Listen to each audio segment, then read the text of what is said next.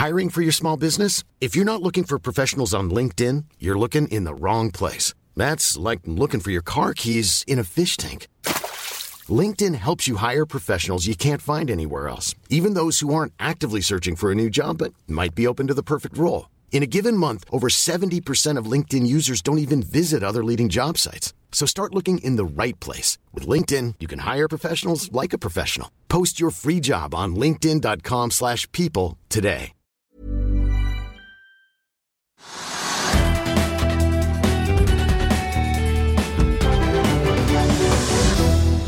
Velkommen til Økonominyhetene. Det er blitt tirsdag 30. mai. Mange norske småbedrifter klarer ikke å etterleve GDPR-reglene og får store bøter. Vi har med oss administrerende direktør Pål Bredvei og personvernrådgiver Tom Bylov Christiansen i Adminkit, som hevder de har løsningen på dette for alle norske småbedrifter. Men aller først litt om det som skjer i markedene nå. Vi kan begynne med oljeprisen, som er ned litt over en dollar siden Oslo Børs stengte i går. Den er nå på 75 dollar og 82 cent, ned 1,6% inneværende døgn. Det bidrar til at Equinor er ned en knapp prosent, ned 0,8% nå, til 292 kroner og 45 øre. Hovedindeksen også, den er så vidt opp, 0,15% til 1217,42. Har vært opp over en halv prosent tidligere i dag. Kronen den er fremdeles svak. Dollaren den koster nå over 11 kroner. 11 kroner og 5 øre i øyeblikket. Euroen den begynner å nærme seg 12 kroner. Den er 11 kroner 87 i øyeblikket. Og pundet er på vei mot 14 kroner kanskje, ligger på 13 kroner og 75 øre nå. Den svake kronen den påvirker jo oljefondet, som vi har vært inne på noen ganger. Og oljefondets verdi den er nå på 15 213 milliarder kroner. Vi kan se også hvordan det står til på børsene i Europa. Her er det litt blanda. Det er ned en halv prosent i London, og så er det opp tilsvarende i Frankfurt. Opp en halv prosent, altså. I Paris er det ned 0,4. I Milano er børsen opp 0,6% I Madrid er den opp 0,5 Og Stox 600, med da litt blanda utvikling på børsene, den er da flat, ned 0,01% på børsene i New York så ligger det an til å åpne opp.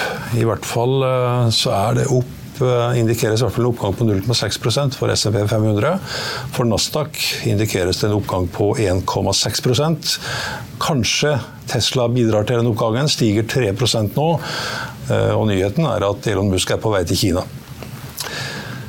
Vi kan også ta med hvordan det står til i kryptomarkedet. Vi kan ta med bitcoin, som er opp 0,75 til 27.886 dollar. Ethereum opp 0,8% til 1908 dollar. Ja, vi kan forresten ta med også gullprisen, som er på vei opp igjen. Opp 1,8% nå, til 1978 dollar og 80 cent. Fem selskaper på Oslo Børs har lagt fram kvartalstall i dag. Det finner du mer om på finansavisen.no. Hvis du ser opp på hva som beveger seg, så er lakseaksene i støtet etter at Pareto og Fearnley har kommet med en sektoroppgradering. Oppdatering. Og Movi stiger nå 1,2% har vært opp mer tidligere i dag. Samme gjelder Salma, som nå er opp 1,5% Og Grieg Seafood er også opp en. Lerøy Seafood opp 2,6% Vinneren blant de 20 mest omsatte aksjene på Oslo Børs, det er Kahoot, som er opp ja, 8,2% nå, til 6 kroner og 12 øre. Og aksjonæroversikter viser at Lego-familien Kirk Kristiansen har kjøpt seg tungt inn i Kahoot. Aksjeposten har så langt vært skjult bak en depotkonto, men nå har familien da trådt fram. Jon Fredriksens LPG-rederi Avanse Gass fortsetter å levere rekordresultater i et brennhett marked. Tirsdag la selskapet frem tall for første kvartal 2023, som viste et nettoresultat på 36,3 millioner dollar, opp fra 24,3 millioner dollar i samme periode i fjor. Northern Ocean fikk et resultat etter skatt på minus 16,8 millioner dollar i første kvartal. Det var litt svakere enn i første kvartal i fjor, da underskuddet var på 14,2 millioner dollar. Skal se om det er noen andre ting vi kan nevne. SAS ja, den er, har vært opp 20 tidlig i dag, er nå opp 18,3% til 42 øre. Og Her er det kanskje nyheten i løpet av helga, eller skal vi kalle det spekulasjonen, om at Lufthansa kan sluke SAS på et eller annet tidspunkt. Det er vel i hvert fall foreløpig bare en vill spekulasjon. Men bidrar da til å løfte aksjen 20% på det meste i dag. Codelab Capital er ned nye 29% til 49 øre. Det var jo tidligere pasientsky, men da de solgte den virksomheten til EG, så er da selskapet nå et rent venture- og investeringsselskap. Bergen Bio ned eh, nye 25, eh, ja, over 25% nå, til 27 øre. Den er riktignok eks eh, tegningsretter nå, men her er det jo flere som har ment at den skal ned mot emisjonskursen på 10 øre. Ellers blant de mest, mest, omsatte så kan vi ta med at eh, ja, bilfraktrederiet Haug Autoliners er opp nye 4% MPC stiger 2,1% Nordic Semiconductor, teknologiselskapet, er opp 2,7% Og da har vi vært innom det meste av det som eh, beveger seg, som er verdt å nevne, i hvert fall på Oslo Børs. Etter en kort pause så har vi med oss administrerende direktør Pål Bredvei og personvernrådgiver Tom Bylov Christiansen.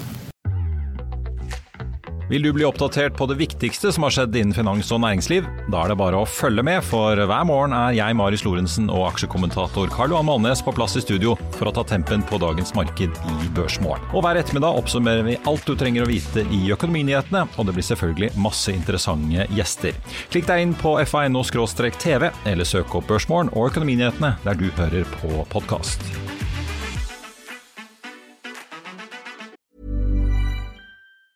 There's never been a faster or easier way to start your weight loss journey than with PlushCare. PlushCare accepts most insurance plans and gives you online access to board-certified physicians who can prescribe FDA-approved weight loss medications like Wigovi and Zepbound for those who qualify. Take charge of your health and speak with a board-certified physician about a weight loss plan that's right for you. Get started today at plushcare.com slash weight loss. That's plushcare.com slash weight loss. plushcare.com slash weight loss. I'll see you in court. Vi sier det ofte litt på spøk, men for deg som driver business, er det aldri moro å innse at du ikke har laget en 100% gyldig kontrakt.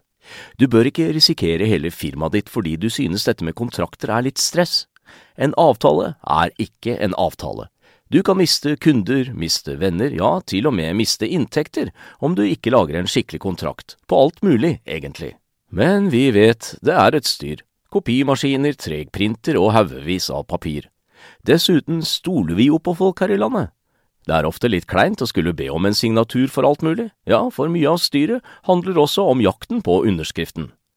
Det finnes en enkel måte å løse dette på, Dukkobit. En trygg, effektiv og get this, gratis måte å sikre seg en god natts søvn pluss en juridisk bindende avtale.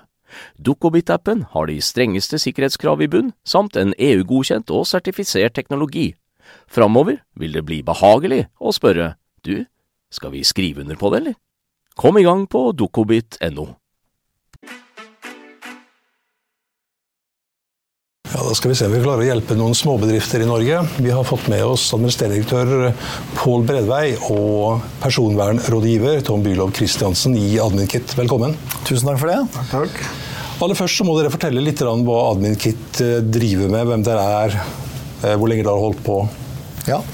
Eh, vi starta opp for eh, ca. tre år siden. Eh, flere av oss hadde jobba i store selskaper som Nokia, Egmont, Jotun. Med da masse flotte medarbeidere, støttefunksjoner. Alt fungerte et stort maskineri. Og så etter hvert som vi jobba tok jobb som daglig leder i noen mellomstore bedrifter, så ble hverdagen helt annerledes.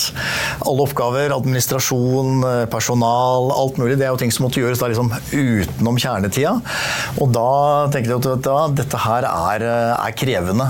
Hvorfor skal bare store selskaper ha eh, det, digitale, store løsninger? Hvorfor ikke små? Og så basert på det så tenkte vi at da, la oss bygge noe som vi alltid da har savna sjøl. Og det var da et verktøy for eh, administrativt utmattede eh, ledere i SMB-markedet. Og da var egentlig starten på, på, på, på Adminkit hvordan kan vi da hjelpe til å få kontroll og bedre struktur. og på noe som er mulig å ta i bruk. Det må ikke være komplisert. De fleste software-løsninger i dag er dyre og kompliserte, og derfor sitter jo da de fleste ledere i små og mellomstore bedrifter med Excel og permer og alle andre ting som gjør at ting tar bare tid. Så det var egentlig liksom kjerneideen til, til Adminkit. Og hvilke oppgaver er det dere løste for disse småbedriftene?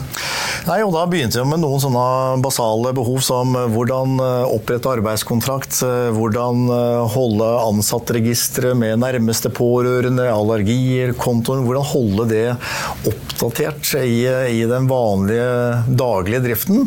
Kjempeutfordringer. Så vi tenkte at du, nå må vi lage noe som tar maks fem minutter. Og når vi sa da at ok, la oss få til et system som gjør at du kan invitere enten det er fem eller 50 ansatte på fem minutter. Opprette en arbeidskontrakt på fem minutter.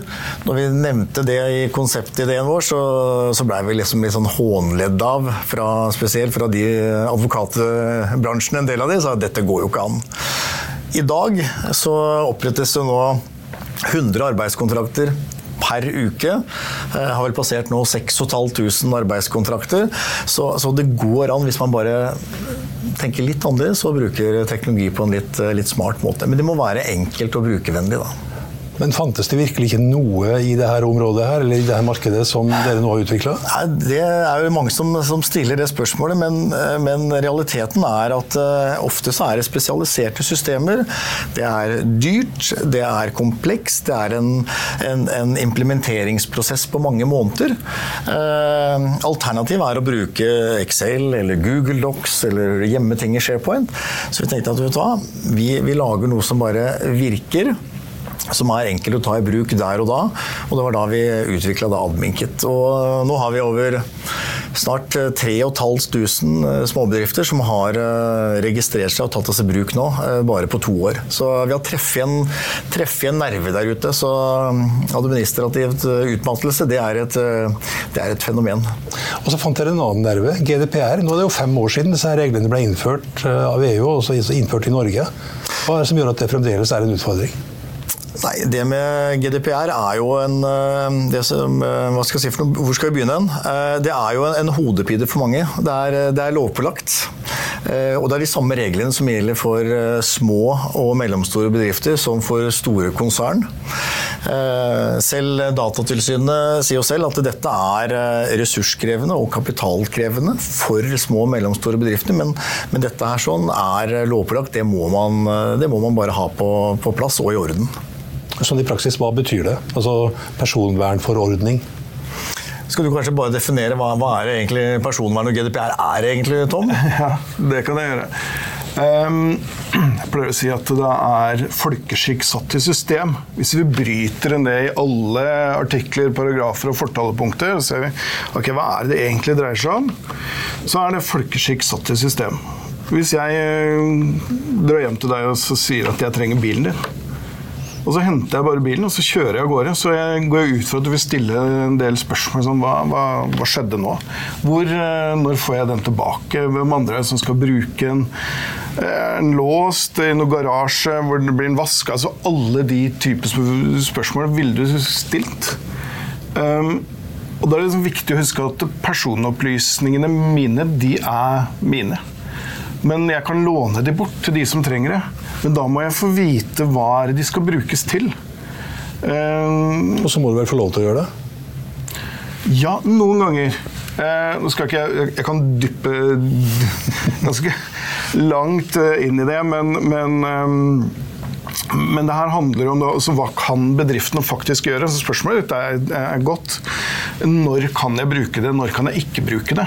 Når kan du gi det videre, og når kan du ikke gi det videre? Ja, og Hvem skal jeg gi det videre til? Mm. Og hva skjer med de som uh, får den videre? Hvilke forpliktelser har de mot min kunde igjen? Alle de tinga der må man ta en stilling til. Og du må ha lov til å gjøre det du gjør. Og Derfor så er personvern blitt litt sånn krevende og litt sånn vanskelig, fordi at det er ikke noe altså, Alt er feil, og alt er riktig, hvis vi, hvis vi ser enkelt på det. Fordi det handler om de vurderingene du sjøl gjør. Og Derfor så sier jeg at det er folkeskikk satt i system. Og mange ganger når jeg får et spørsmål har jeg lov til å gjøre det, så spør jeg hva tror du? Ja, kanskje ikke. Nei, det er helt riktig. Så vi vet det egentlig. Mm. Og Hvis du da bryter den folkeskikken, her, så kan du få ganske grove bøter. Stygge bøter.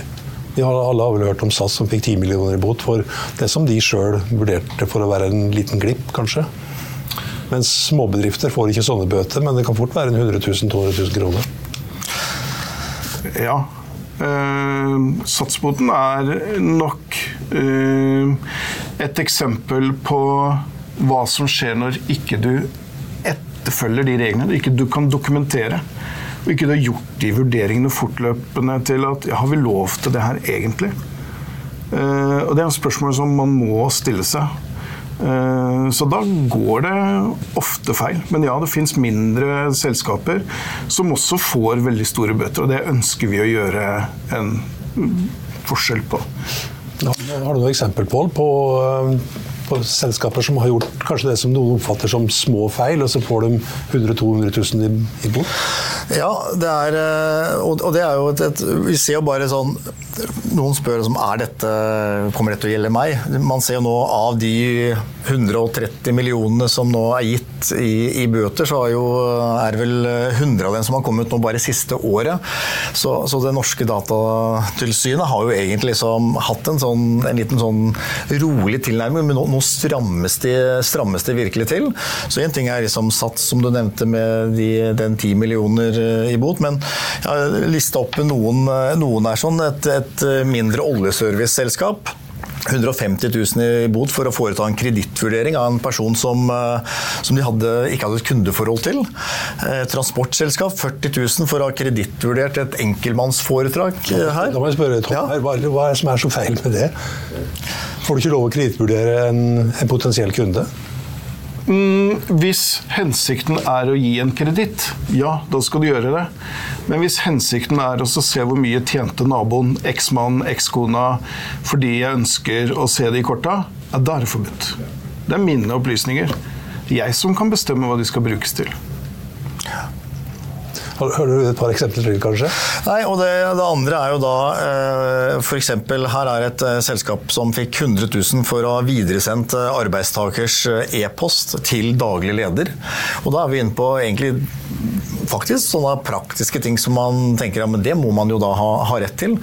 Men det er klart, det som jeg tror er litt viktig å, å tenke på, er at mange ser for seg Vi gjorde en liten undersøkelse her forrige uke, for jeg visste jo vi skulle hit. Og så spurte vi da et, et utvalg av våre SMB-bedrifter. Og eh, da var det jo 80% som sier at jo, eh, GDPR det, det angår oss. Men, men, eh, men, når vi spør da, liksom, om du etterlever dem, så var jo da svarprosenten betydelig eh, lavere. Og noen sier ja, men vi har kontroll fordi våre datasystemer eller den softwaren vi bruker, der har vi en databehandleravtale. Men personopplysning det er det som gjør det litt utfordrende. Det gjelder jo da hvordan er det du som bedrift behandler opplysningene til dine ansatte i forbindelse med rekruttering. Så, så personopplysninger går liksom inngriper på veldig mange områder.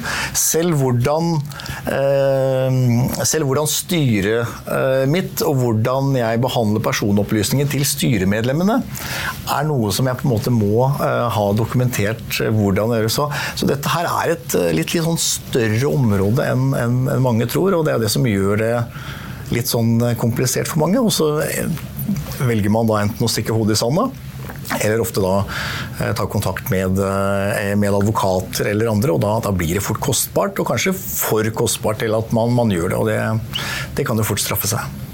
Går det an å si noe om hvor mange norske bedrifter som ubevisst er i brudd med personvernforordningen? Det er vel ikke noen som har gjort noe, noe, noe stor, eh, stor, eh, undersøkelse, men vi, vi, har jo et ganske godt representativt utvalg på, på SMB-markedet. og eh, de svarene som, som, vi fikk der, var jo at rundt 40% sier at de i stor grad har, eh, har kontroll. Dvs. Si 60% har ikke det. Men så gjorde vi noen stikkprøver da, blant de 40 som sa at de i stor grad hadde kontroll. og da, da tyder det på at de ikke helt har denne kalde oversikten. De har det kanskje veldig på noen områder, men så fort vi pirker litt i, i, i bredden på hva det egentlig omfatter, sånn, så, så er det faktisk de reelle tallene mye lavere. Men eh, ja, det er eh, Her er det og, og, det er jo bakgrunnen for at eh, Litt sånn tilbake igjen til, til, til Admikit. Hvordan kan vi gjøre dette her litt enklere? Hvordan kan du få på plass minimumskravene? Det er jo det som er vår misjon her. Prøve å få Ja, for det å si at det er, det er common folkeskikk, også folkeskikken er vel ikke helt likt fordelt. Så det å si at det er folkeskikt, det blir jo kanskje litt for enkelt. Man, man trenger, er man vi trenger noe. Mm. verktøy. Hva Man trenger noe verktøy. trenger noe verktøy? Og det, Um, Fins de verktøyene, eller Jeg kan jo begynne med, sånn sett fra som en, som en daglig leder, så det man, det man må begynne med i, i trinn én her, det er jo at man må, må ha en oversikt over um, alle aktiviteter eller systemer i bedriften din. Og det er jo det som Datatilsynet er det første man spør etter. Enten man får en, et brev om, eh, eller de som kommer på uanmeldt besøk, så spør jeg kan jeg få oversikt over behandlingsprotokollen din. Som da viser alle disse ok, dette gjør jeg i forhold til rekruttering. I mitt CRM-system så har jeg følgende opplysninger. Jeg har? Så du har denne oversikten, og det er ofte der det, det, det strander litt. Det man sliter med i dag, er jo at man har for så vidt et, eh, et, et, eh, en, et, et stort egentlig praksis, en Excel-fil som er nesten en kilometer lang, som man da fyller inn eh, alle disse opplysningene. Det er vanskelig. Så det stopper der, og da tyr man ofte til å få litt juridisk bistand. Og det er der vi har eh, basert på, på Toms mange år i, eh, som konsulent, at vi har automatisert dette her sånn, sånn at vi har laga dette litt enklere med en veiviser som, som tar deg gjennom dette her, slik at du da får på stell disse minimumskravene som, som er, er lovpålagt. da. Er det så enkelt at en liten rørleggerbedrift kan eh, håndtere det her greit? Ja, vi er såpass, vi er såpass hårete til tross for panneluggen min her, sånn, at vi, vi sier at dette her sånn skal en, de aller fleste bedriftene klare selv eh, i løpet av én time. Eh, Og det, det har vi sett i praksis, og det er, vi, det er vi veldig stolte av. Og vi har til og med faktisk eh, i dag lansert en liten sånn fornøydhetsgaranti, så hvis ikke du får det til, så, så er det liksom pengene tilbake. Fordi ja, det må bare virke. 3500 bedrifter som bruker systemet deres, Som har logga seg inn og tatt oss eh, og den. GDPR-løsningen. Nei, det er totalt sett. Så GDPR-løsningen nå, den lanserte vi for en, en måneds tid siden. Etter eh, ett år med, med intensiv utvikling. Så, men der har allerede de, de første bedriftene kommet, kommet godt i gang. Så det er, eh, det er vi stolt av. Hvor mange har dere på helpdesken? Vi har kun eh, to personer, og de, de er ikke overarbeida, så, så Er det dere to, eller? Nei, det er ikke oss. det er ikke oss. Neida, vi, er, vi er eh, 19 ansatte totalt sett. Mm. dere har gjort dette her til business, og GDPR kommer da som et sånt tilleggsprodukt. Hvor mye koster denne løsningen i måneden for en liten bedrift? Nei, Vi eh, har jo som fra, fra dag én tenkt at vi skal tenke volum. eh, Og sånn sett så har vi nå lansert dette her til, eh, til 990 kroner i måneden. Og det alle så, av de første som har vært inne her og som har pirka litt borti GDPR tidligere, eh, tenker at dette her er jo nesten for godt til å være sant. Eh, Men når alternativet fort er en 50 000-100 000 minimum. Eh, og så skal jo dette her holdes ved like, så det kommer i tillegg.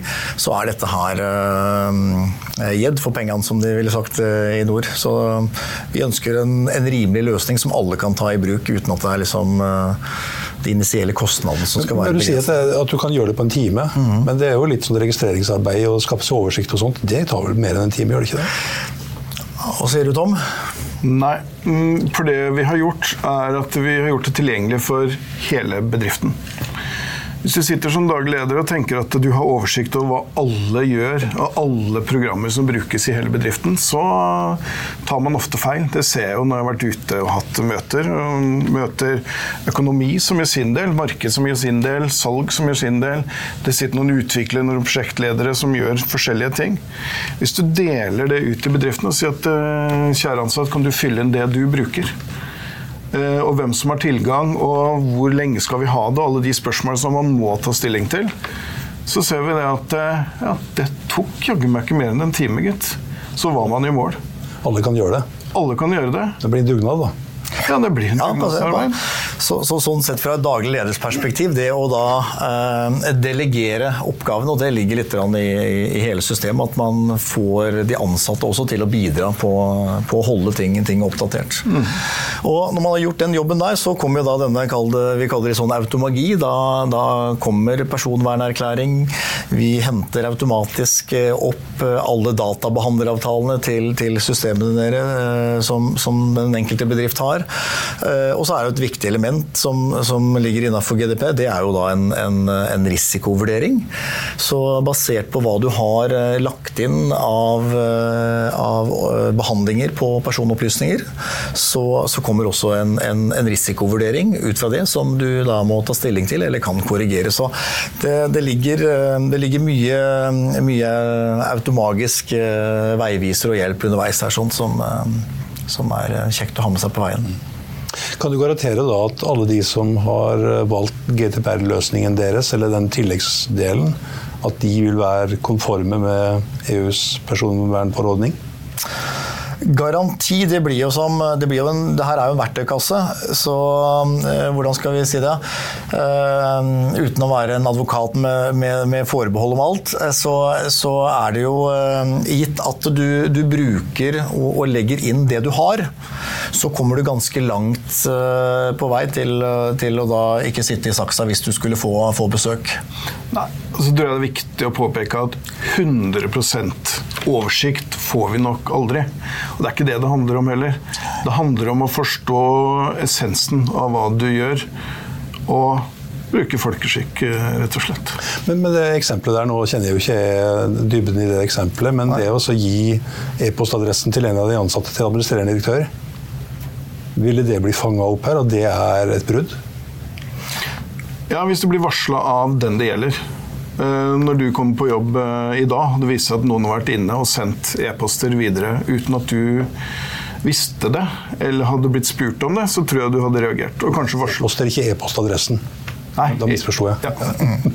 Sendt e-poster videre, ja. Det er noe annet. Send gjerne e-postadresse, det går helt fint. Ja. Bare sett i blindkopi, pass på det òg. Men, men, eh, man skulle jo forvente at det var etter fem år at det var konkurranse her. Du tenker på, du tenker på å være leverandør i det? Ja, sånne administrative løsninger der GDPR er en del av det? Ja, det kan man jo. Det, det burde man jo. Og vi også tenkte jo, og, og som vi sier på, på Blårud, vi har funnet en, en, en, form for en, en, white space.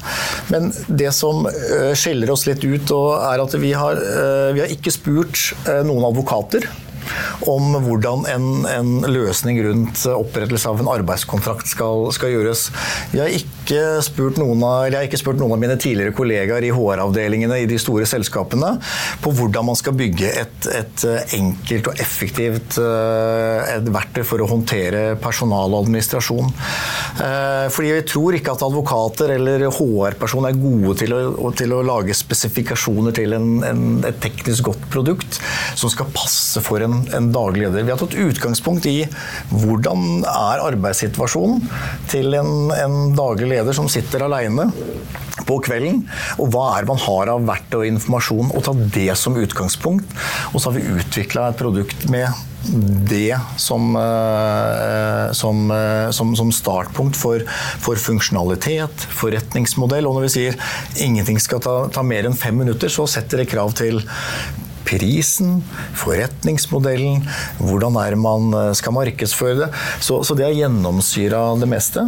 Mens da, som du spør om, hva er konkurrentene? Jo, det er da enten Excel eller Google Docs, eller så er det da systemer som fort blir litt sånn Enterprise. Eh, det blir for store selskaper, og da, da trenger en egen superbruker, du trenger noen som skal onboarde, og det er en helt annen kostnad. Så det er rett og slett eh, Vi har tenkt egentlig litt sånn mer på personer enn på bedrifter når vi har utvikla det her sånn. Hvordan ble det 2022? Dere er 19 ansatte. Hvor mye omsatte dere for? Nei, vi, eh, Det er et, et, veldig enkelt å svare på. Så, så omsetninga vår var mer eller mindre null i, i 2022. Eh, vi har nylig skrudd på, på takstameteret. Eh, vi har hatt bånnsolide eiere fra, og investorer fra dag én som har investert i produktutvikling. Vi har hatt da tusenvis av bedrifter som har brukt systemet. Vi har fått feedback hver eneste uke. Og så følte vi nå at når vi nå kom til til 1.1 i år, så var produktet moden nok til å, til å kunne ta, ta betalt for det. Vi fikk til og med en del eh, av brukerne syntes at det ble egentlig litt sånn skeptiske til oss, fordi at dette var for godt til å være bra. Eh, nei, til å være gratis. Eh, kommer dere til å gå konkurs? Kommer dere til å, til å overleve? Dere må jo ta betalt for det. Så, så, så nå har vi skrudd på takstameter, og de første betalende kundene har begynt å, begynt å komme inn. Hvor mye, hvor mye har dere investert i disse verktøyene da, fra tidenes Morgen? Nei, Vi har uh, hatt tre, tre emisjoner uh, så langt. Og totalt sett så har vi henta inn 47 millioner kroner. Så det er ganske betydelige beløp. men til gjengjeld så har vi hatt en, en, en, utviklingstakt og en veksttakt som er som, som, er veldig bra, og som har gjort at mange av investorene har vært med nå i, i tredje runde nå. Av de 47, hvor mye har dere igjen? Uh, gründerne. Vi er uh, vi var, Hvor mye har dere igjen av de 47 millionene? Som, ja, sånn, ja, det, er det brukt opp, eller? Nei, det er absolutt ikke. De, eh, så vi har gått med penger ut, til gått langt ut i 2024. Og nå begynner vi å tjene penger òg. Så vi er, vi er i en komfortabel situasjon. Hvordan er eierforholdet i selskapet? Hvor mye eier dere? Vi, eh, gründerne og eh, ansatte sitter vel på sånn ca. Noen og, noen og 40 eh, av selskapet. Det blir jo litt utvanning når man eh, kjører hardt i gang, men det er, det er. De resterende de ligger nå litt fordelt. Vi har jo hatt med eh, Altitude Capital som med Grunde Eriksen. Vi har Whisky Capital eh, med, med Gustav Witzøe og Øystein Skiri, som har vært med fra starten sammen med Arcritex. Og nå nylig, siste emisjonsrunde, så kom eh, også Aker med Runway FPU inn. Sammen med Idékapital, som er vel kanskje Norges største venturefond, sammen med Tines personkasse MP Pensjon. Så vi har, eh, er, eh, vi har god backing fra, fra, solide investorer som, eh, som, ser på verdien av å hjelpe små og mellomstore bedrifter til å bli mer konkurransedyktige. De, de siste investorene som du nevnte her, de er også litt mer krevende, tenker jeg, enn de, de som har, har vært med fra begynnelsen, gründerne? Ja da, så det er klart de har, de har vært veldig Due diligence-prosessen har vært uh, veldig omfattende på, på, hva vi har fått til. Og dybdeanalyse på hvor, hvor vi skal hen. Og forventningene er store. Så eh, blir det, overskudd, blir det overskudd i år, eller må vi vente neste år? Nei, det blir ikke overskudd i år. Og det blir heller ikke overskudd neste år. Men, men det er fordi at vi, vi investerer tungt i, i, videre produktutvikling. Det kommer mye spennende ting. Vi har dette med arbeidskontrakter og personalbiten. vi har GDPR, og nå kommer det eh, flere spennende, tunge områder som, eh, som kommer til å skape glede, håper jeg, for, forbrukerne våre eh, rett over sommeren igjen også. Så, ja. Har dere noen hårete mål dere kan dele?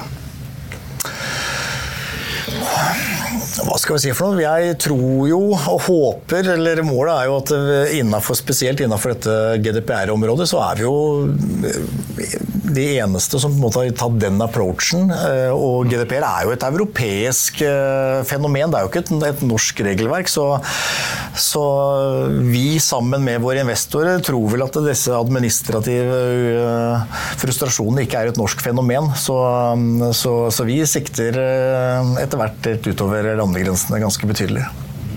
Men du vil ikke tallfeste noen for dette målet? Eller? Nei, vet du hva. Det, det, det vet vi ikke. Eh, vi har, en, vi har, en, kraftig vekst måned for måned. Det kommer inn flere hundre nye bedrifter hver eneste måned.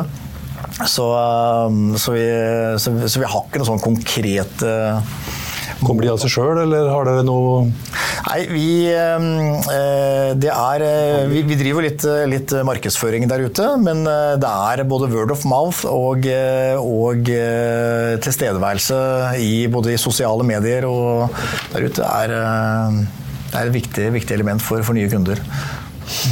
Tusen takk for at du kunne være med oss, Pål og Tom. Takk. Da ruller vi videre. I Finansavisen i morgen kan du lese Trygve leder om at det spøker for Hegnars batterifabrikk. Du kan lese om aksjonæropprør i Kongsberg Automotive og en farlig skatteendring, og at tiggerappen Vips snart kan være historie. Det var økonominyhetene her på Finansavisen tirsdag 30. mai. Vi er tilbake igjen med Børsmorgen i morgen klokken 8.55. I Økonominyhetene klokken 14.30 har vi med oss administrerende direktør Øyvind Birkenes i Airthings. Husk også at vi får de siste nyhetene minutt for minutt på finansavisen.no. Mitt navn er Stein Ove Haugen. Tusen takk for at du så på og hørte på, og håper du er med oss igjen i morgen også.